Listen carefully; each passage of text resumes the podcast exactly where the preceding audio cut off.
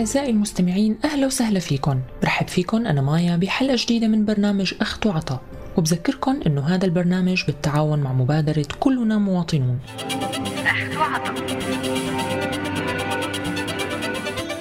بتاريخ 9 آب من العام الجاري اعتصم قرابة الألف شخص بدوار الزراعة بمدينة اللاذقية مرددين شعار الشعب يريد إعدام سليمان. سليمان هلال الأسد قريب الرئيس السوري بشار الأسد والمعروف بسطوته الكبيرة على مدينة اللاذقية قام بإطلاق الرصاص على العقيد حسان الشيخ اللي كان برفقة عائلته وتجاوز بسيارته سيارة سليمان الأسد مما تسبب بوفاته. الحادثة كانت واضحة والجاني واضح بشهادة أهل العقيد المقتول. ورغم محاولة الإعلام السوري والصفحات الموالية نفي التهمة عن سليمان الأسد والكلام عن فتح تحقيق حول الحادثة والبحث عن الجاني ومعاقبته أهل العقيد ومجتمعه بمدينة اللاذقية ما استكانوا لهي المحاولة. وللمرة الأولى يمكن من بدء الحراك بسوريا قاموا بتنظيم مظاهرة للمطالبة بالتحرك للقصاص من أحد المقربين من السلطة. بحالة بتذكرنا شوي بالمظاهرات اللي اندلعت بدرعا للمطالبة بمحاسبة عاطف نجيب ابن خالة الرئيس السوري على الطريقة اللي تعامل فيها مع الأطفال المحتجزين وأهالي درعا المطالبين بالإفراج عنهم. مؤخرا قامت عدة حركات احتجاجية بالمجتمعات الموالية للنظام السوري واللي بيعتبرها النظام خزان بشري لقواته العسكرية. بالسيدة زينب اعتصموا الأهالي لمعرفة مصير أقربائهم وأبنائهم بمنطقة الفوعة المحاصرة من قبل جيش الفتح. وبطرطوس اعتصموا أهالي العساكر المحاصرين بمطار كويرس بحلب من قبل داعش. وسابقا حملة وينون؟ طالبت النظام بكشف مصير العساكر بعد سقوط مطار الطبقة بيد داعش.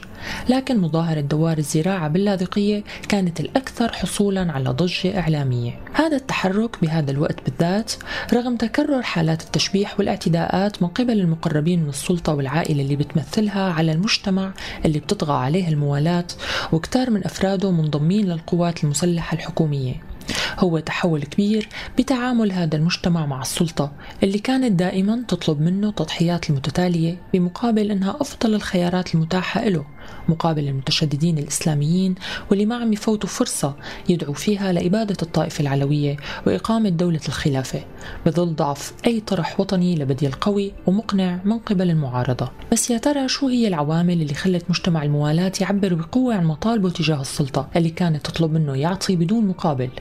وشو اللي خلاها تفقد قدرتها على إقناعه بأنه يضل متماسك بموقفه ويأجل سخطه أو تذمره لتخلص المعركة على الرغم من أنه التهديدات من قبل المعارضة الجهادية الإسلامية ما خفت تجاهه. فاصل ومنرجع شو رأيك بحادثة قتل سليمان الأسد للعقيد؟ والاحتجاج اللي صار عليها بمدينة اللاذقية حادثة القتل برأيي ما في شيء جديد. على الأسد طول عمرهم بيقتلوا مين ما بدهم لهم حرية التصرف. ما في شيء جديد. الشيء الجديد يمكن هي الاحتجاجات اللي صارت بمدينة اللاذقية أنا برأيي إنه الناس شافت فيها فرصة تنزل على الشارع وتعبر عن استياء وكلنا بنعرف إنه هي مو الحادثة الأولى ولا العاشرة اللي بتصير بشكل عام وهذا الشخص بالتحديد انتهاكاته كثيرة. يعني هي حادثة حادثة تشبيه ضمن بيئة من يعني هي البؤرة تبع الشبيحة منطقة اللاذقية والاحتجاج احتجاج يعني عفوي يعني أي واحد بنقتل بمنطقة فبتطلع يعني عيلته أو يعني اللي بيعرفوه بيطلعوا احتجاج على هالشيء الشيء اللي صار. حادثة القتل يعني هي عمل إجرامي بغض النظر على مين اللي قتل ومين اللي اللي انقتل بس يعني عمل إجرامي. صراعات بين ميليشيات مافياويات عم تقاتل مع بعضها. هي حادثة وحدة من الأحداث الكثيرة اللي كان فيها المذكور واللي نحن ما بنعرف عنها إلا القليل أكيد. أنا برأيي إنه هي نتيجة طبيعية يعني للشيء اللي صار لأنه بصراحة في ناس يعني إنه خلص مسكت سلاح ما بقى حملها مخها يعني إنه خلص إنه أنا صرت شغلة كبيرة. أه، شو رأيك بردود فعل السوريين على هي الاحتجاجات؟ هلا ردود الفعل مختلفة. في ناس بتقول لك إنه هذا مسلسل كلياته. وبشار الأسد هو بحد ذاته هربوا برات البلد. طلعوا على بيروت هو نبهوا انه طلع فورا. في ناس بتقول لك لا في أصدر قرار بإعدامه. فردود فعل مختلفة. برايي حادثة خصوصا لهم ما حتغير شيء بالنسبة للوضع السوري. رد فعل آه، الجانب المعارض من الشعب هو رد فعل طبيعي جدا. بالنسبة للمؤيدين هي فرصة لأنه ينفسوا عن الغضب ممكن يكون الغضب المتعلق بالمعيشة بالوضع العام يعني, يعني هي يعني مثل استثمار مشان تحريك منطقة الساحل.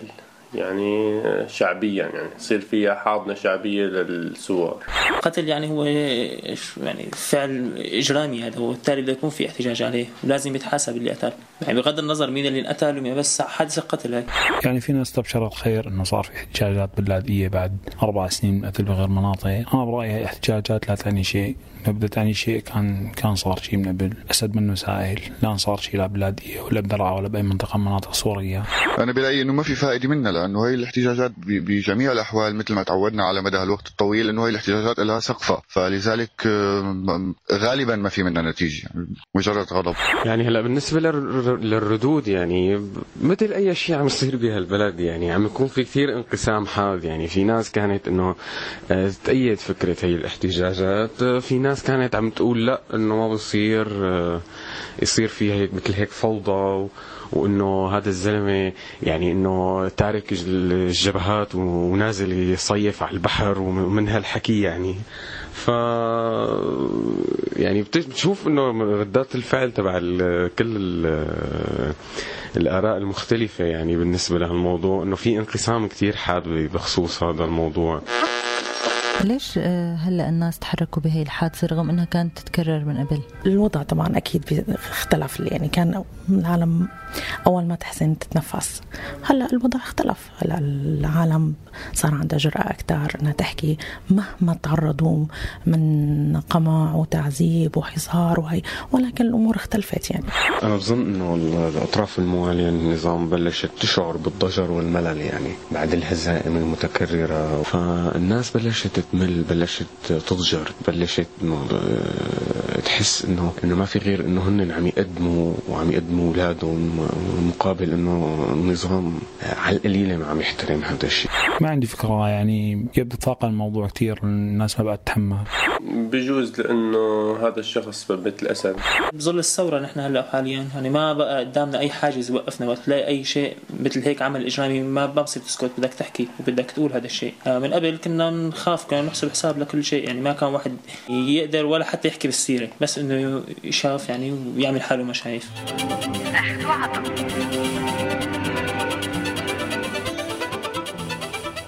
من بداية الحراك السوري قامت مجموعة من الأطراف الدولية والمحلية بعسكرة المجتمع بكل أطيافه واتجاهاته وليتحقق هذا الهدف تم تجنيد كافة الوسائل والطرق مثل تصعيد العنف من الطرفين وتغيير لغة الإعلام وصورته ليحرض عند الناس مشاعر العنف والرغبة بالانتقام والحقد. ليوصل مجتمعنا بنهاية المطاف لتقديس الرموز العسكرية وتحويلها لأيقونة وتمثال. مثل تمثال البوط العسكري اللي تم تدشينه على مدخل مدينة اللاذقية. يعني بالنهاية تم التماهي مع الخيار العسكري واعتبار كل المنخرطين فيه أشخاص مقدسين بذلوا نفسهم لحماية البلد والدفاع عنها. وبالتالي صار التعرض لشخص عسكري والمساس فيه بكرامته غير مقبولين بالمجتمع. الشيء اللي حرض على الرغبة بالاعتراض والاحتجاج اللي عبر من خلالها الشارع عن غضبه وطالب بالعدالة لشريحة عم تدافع عن كرامة البلد وتحميه.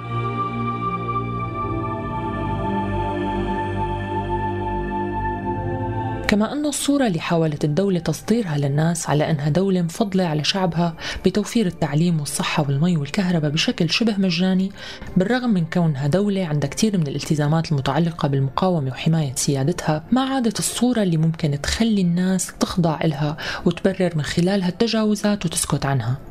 فالمجتمع المصطف مع السلطة واللي فقد أولاده بسبيل الدفاع عن الدولة وحمايتها بيعتبر هلأ أنه لولاه ما كانت صمدت الدولة بوجه الهجمات والمؤامرات العالمية عليها وهالشي عطاه حالة من التوازن والتقدير لذاته. إضافة إلى أن الظروف المعيشية السيئة والغلا وسوء الخدمات أفقدت الناس حالة الامتنان للدولة. وصار واضح لهم بأنه الدولة عم تعاني من سوء التقدير والإدارة وأقحمت الناس بحرب طويلة ومعقدة دفعوا ثمنها كتير. فينا كمان نتذكر مصير الكثير من الجنود اللي واجهوا الموت بصورة مؤلمة ومخزية وكيف انتركوا لمصيرهم بطريقة كان واضح فيها حالة من الاستهتار واعتبارهم مجرد ناس ما لهم قيمة. الجنود اللي ماتوا بطريقة بتشبه القصص الملحمية وهن ماشيين ارتال بالصحراء ليواجهوا الموت بطريقة مؤلمة. حركت مشاعر الناس وتعاطفهم بطريقة تجاوزت كل الاصطفافات بالشارع السوري. كل هي النقاط ساهمت بأنه تخلق مشاعر من الغضب على النظام تخلى حتى عن الناس اللي واقفين معه وخلتهم يشعروا مع الوقت أنه هالحرب عبثية والثمن فيها أكبر مما بيتوقعوا.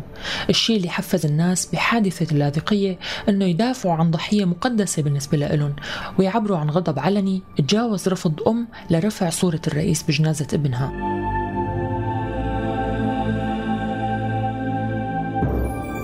المجتمع اليوم طلع باحتجاج حقيقي ومنظم مستخدم جملة للحراك اللي كان ضده وقال الشعب يريد.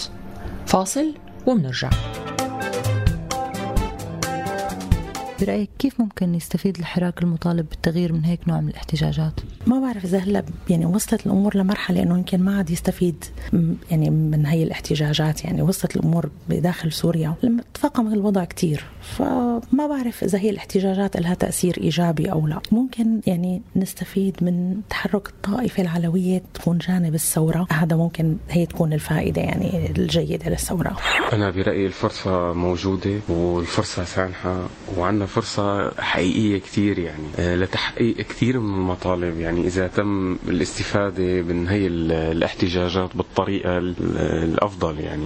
الشرح صار أكبر أنه يجيبون طرفه. ما عندي مشكلة. هن هن عم ينادوا بوادي وعم ينادي بوادي ثاني برأيي يمكن الاستفادة من الموضوع. ليش؟ لأنه آه، كون النظام في حالة تخبط تمام. وهي المشكلة صارت بين الأطراف المؤيدين له. فهو بحاجة إلى إنه يكسب يكسب المزيد من التأييد له. ما بده بالعكس يخسر الناس أول بأول يعني. يعني هو في نسبة منيحة يعني عم يعني يعني صار عم تكره موضوع الحرب و... وطريقة النظام وسياسته وسياسة الحسم اللي عم يتبعها كونه كثير عم. عم يروح كثير من الشباب من الجيش بخصوص هذا الموضوع يعني آه فمثل هيك مطالب أنا برأيي ممكن الاستفادة منها عن جد بأشياء كثيره إنه آه كونه كونه من قلب بيت النظام الاحتجاجات طلعت. يعني إصدار بيان يكفي إنه يقوي هذا الاحتجاج إنه نحن مع العلويين يلي ضد هذا الظلم اللي صاير بسوريا.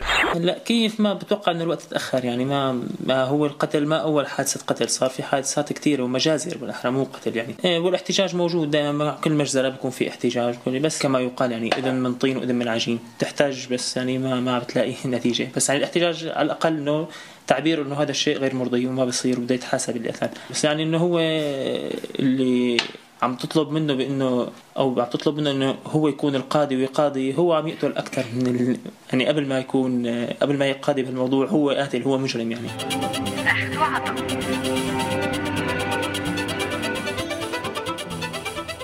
مع أنه الظروف مختلفة جدا إلا أن المجتمعات اللي تحت سلطة المعارضة المسلحة واللي كانت حاضنة للحراك الشعبي المتمثل بالمظاهرات ودفع ثمن كبير من الضحايا والجرحى والمعتقلين والمفقودين نتيجة محاولة إخضاعها من قبل النظام السوري ومع أنه المعارضة المسلحة بهي المناطق نشأت بالأساس بفكرة حمايتها من عنف النظام هي المجتمعات حاليا كمان عم تشهد نوع من حركة الاحتجاج ضد الكتائب المسلحة اللي خيبت الأهالي بممارساتها المشابهة لممارسات النظام بمجتمع صار فيه أفضلية للعسكري على المدني وفرض أيديولوجيات معينة والتخوين والاعتقال والتعذيب والتغييب القسري وانتشار مظاهر اقتصاد الحرب من احتكار المواد الأساسية وتجارة السلاح وغيرها.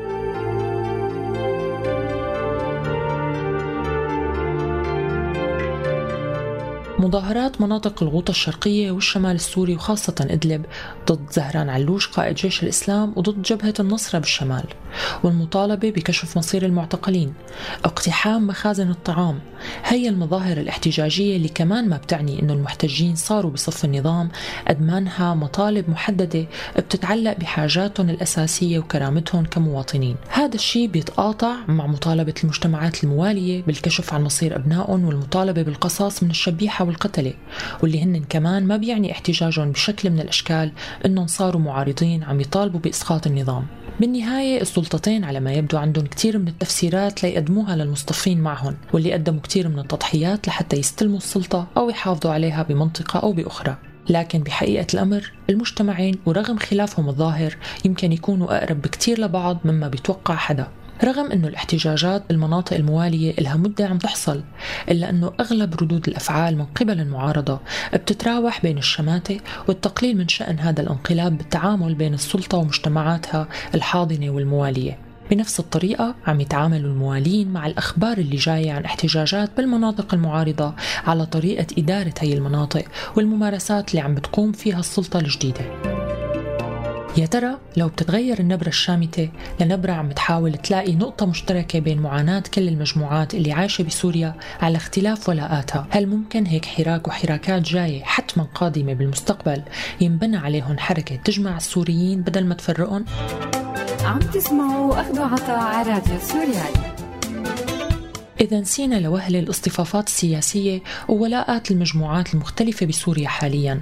وإذا حاولنا ولو كان هذا الشيء صعب أنه نزيح على جنب أنه بعض هي المجموعات عم تلوم بعضها الآخر على الخسارات والنكبات اللي عم تعيشها. إذا حاولنا ننسى كل هذا الشيء وركزنا فقط على الحالة اللي عم يعيشوها أفراد هي المجموعات فينا نوصل لشيء مشترك. الكل عم يعانوا من القمع بشكل أو بآخر قمع عسكري على الرغم من أنه الناس مشاركة بخلقه من مجموعات الموالين اللي قدسوا البدلة العسكرية وشاركوا وعم يشاركوا بالقتال لمجموعات المعارضة اللي حملت السلاح وأهالي الطرفين طبعاً.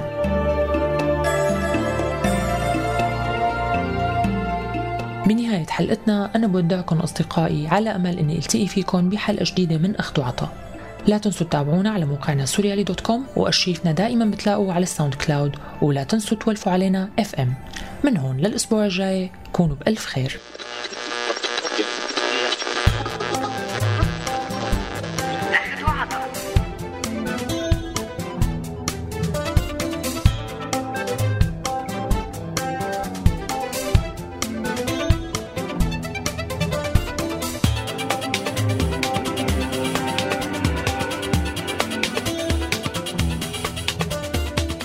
هذا البرنامج من إنتاج راديو سوريا ل 2015